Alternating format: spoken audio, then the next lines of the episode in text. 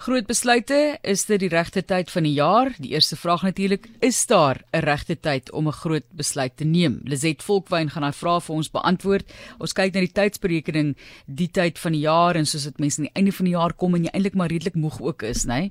Sy is 'n meester lewensafrigter, gepubliseerde skrywer en menslike kredietwaardige konsultant en die sogenaamde human lie detector. Sy weet wanneer jy jok mense. Maar baie welkom Lizet. Ek hoop jy het nog so 'n bietjie energie oor vir die res van die jaar.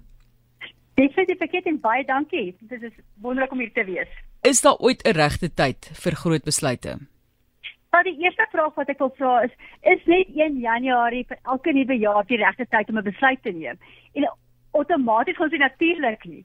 En dis hoekom ons moet nooit sê daar's 'n regte tyd nie. Jy moet weet wanneer jy reg is en jou alignment reg is, dan begin jy besluite neem. Maar kom ons kyk na hierdie tyd van die jaar en die vraag is natuurlik goed as dit die regte tyd is soos jy sê is dit die regte tyd maar baie mense raak moeg, hulle raak krapperig vir mekaar, daai tipe van ding. En soos wat jy ook nou sê mense skaal af in jou woorde is dit nou of moet ek liewer sê goed ek gaan maar begin volgende jaar net kyk hoe ek voel eers. Of is dit 'n geval van ek is nou reeds moeg wat 'n teken is dat ek is nie veronderstel om so moeg te wees nie. Ek wil nie weer so 'n jaar ervaar nie. Ek het ek het dit baie gehad byvoorbeeld Lizet wat ek vir myself gesê het man jy hoef nie verlof te neem in Julie Oktober daai areas nie. Jy kan deurdruk want dan voel jy nog oukei okay, kom aan die einde van die jaar laaste 2 3 maande en jy's gedaan. Jaar na jaar het ek dit so benader. En dan besef jy jy moet dit nie weer so doen nie want dan kom jy in Januarie en dink jy okay ek voel nou weer beter en dan en dan vat jy die jaar maar weer so. Ja, dit is alles alles gaan alles oor goeie beplanning. En ja, ons voel amper dit is amper soos 'n um, mental blok wat ons het hierdie tyd van ja, wat sê dit almal dis nou Kersfees, ons moet nou afskakel. Maar weet jy regtig oor die wêreld is Kersfees seisoen eintlik net 'n week lank. So almal werk hierdie tyd van jaar reg deur. So ons moet ons beplanning reg kry. Dis al is ek as ek so moeg is, moet ek dit reg beplan vir volgende jaar. Maar dieselfde as as ek nou afskaal, verloor ek amper 3 weke. En dit gaan my omtrent 6 weke vat van Januarie maand op om regtig op te tel, as ek eers reg is vir middel Januarie. Ag, middel Februarie. So ons moet baie mooi daarna kyk en sê maar weet jy wat, ek gaan nie afskaal nie. Ek gaan miskien minder kliënte sien of ek gaan minder bemarking nou doen. Maar ek as persoon moet hierdie momentum hou en ek moet by besprekinge en energie nou juis eskaleer om in Januarie, die eerste week in Januarie volstroom te kan begin. OK, maar nou moet ek nog so 'n bietjie deurdruk na die einde van die jaar en 'n deurtrek na volgende jaar toe. Hoe kan ek daai momentum bou en behou?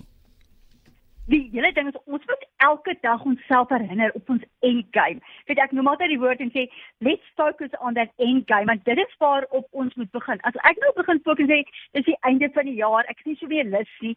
Ek is moeg. Jy verstaan nie wat se jaar ek gehad het nie. Daar was siektes, daar was dood, daar was ekonomiese druk. Maar hier is die ding. Volgende jaar gaan daar dieselfde goed wees want dit is die lewe ek moet teruggaan en sê behou die momente wat is my fokus en ek moet myself elke dag herinner waarheen is ek op pad en nou opnuut energie kry in die oggend ek sê altyd in die oggend begin ek met ehm um, waardering en ek dink aan waarvoor ek dankbaar is en ek begin daarop elke liewe dag bou Nou hoe reflekteer ek op die jaar sodat ek nou met vertroue die nuwe jaar kan ingaan? Wat moet jy saamneem en wat moet jy maar liewers los op oujaarsand? Dat die grootste ding wat 'n mens moet die fout wat ons maak, ons vergelyk onsself met ander en sê kyk hoe wonderlike jare het hulle gehad. Ek kyk op sosiale media en hierdie mense gaan net vooruit en hier sit en stoei ek nog en ek spin amper net op een plek. Maar dit is van ons moet kyk. Jy moet gaan kyk na wat jy vermag het en jy moet jouself herinner aan jou patroon. Jou patroon sê ek het dit oorleef. My patroon sê ek het planne gemaak. My patroon sê ek gee nie op nie. My patroon sê ek is kreatief en daardie goed moet ek aan vashou om outomaties te kan gaan sê met daai refleksie dink ek wat ek volgende jaar gaan doen. Nou, is, uh, baie mense beplan mos nou, hulle sê ek moet 'n polis uitneem of lewensdekking of so en dan dink hulle die hele tyd daaroor, doen dit nooit nie, bepaal betaal nie die premie nie en bepaal ook hierdie premie nie. Ja. Hoe kan 'n mens 'n besluit neem 'n versekerde besluit wil ek amper sê wat jy saam met jou sal dra en wat realisties en haalbaar is. Die belangrikste ding is sodra ons belangrike besluite neem, het dit in ons besigheid, persoonlike lewe, wat ook al, moet ek seker maak dit is in, in parallel met my kernwaardes. Daar's oor die 500 kernwaardes en as ek my top 20 het en elke besluit wat ek neem, vorm ek om die kernwaardes wat my dryf. Dan gaan jy agterkom dat as dit my kernwaardes om my premie 'n sekuriteit het, dan gaan ek daai premie betaal. As dit my kernwaardes om professioneel op te tree, dan gaan ek seker maak my besigheid dryf in daai rigting in. As dit integriteit, eerlikheid ensovoorts, elke kernwaarde dryf my. En as ek op daai kernwaardes pas en my besluit op dit neem, kan jy definitief verseker wees jy gaan dit deurtrek. Nadat die grendels ontsluit is deur die nagmerrie tyd waar deur die wêreld is, dink jy mense het anders begin besluite neem, anders begin dink? Wat, ons kernwaardes het nie verander nie, maar ons ervaring is gedryf en is, is geprojekteer en gevou daarom. Onthou ons ervaring, ons ervaar iets en dan dink ons ons het daar iets uit geleer en nou maak ons 'n ander besluit.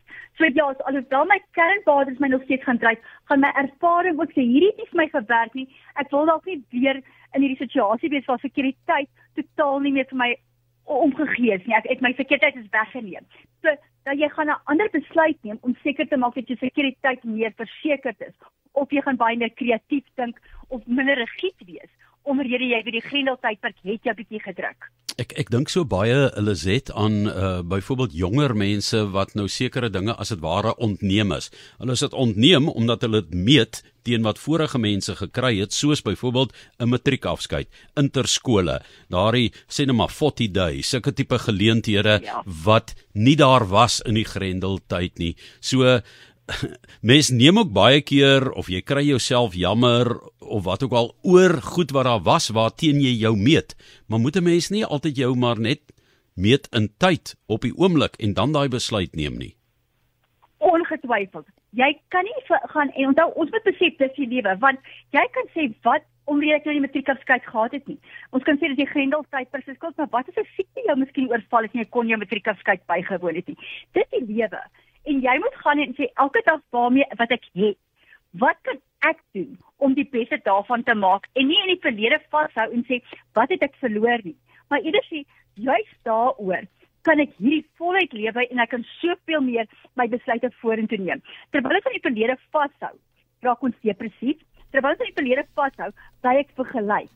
Maar sodra ek aan die toekoms vashou en aan die oomblik van nou, dan begin ek vir my 'n nuwe lewe ont ontdek wat ek kan uh, stuur na wat ek wil hê en ek het baie meer beheer daaroor.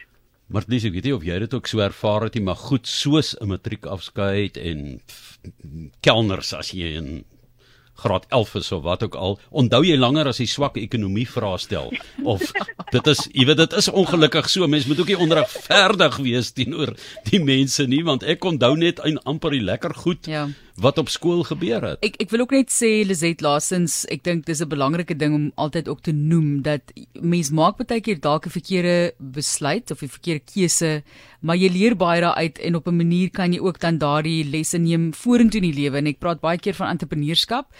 Eh, hulle sê altyd daar's min entrepreneurs wat nog net een probeerslag met 'n besigheid gehad het en suksesvol was. Jy weet dit is 'n geval van jy moet weer en weer probeer en met nuwe idees vorendag kom. Hoe voel jy oor daai stelling? Ongetwyfeld. Ons het elke dag, weet ek het 'n mantra waarby ek lewe dat ek sê jy al wat jy hoef te doen, jy moet 1% beter wees as wat jy was gister. So ongeag of daar 'n 'n verkeerde besluit gister was, ek moet net 1% beter wees as uh, gister. So ek kan elke dag myself herontdek, herposisioneer en vorentoe gaan. So dit is waaraan ons moet vashou.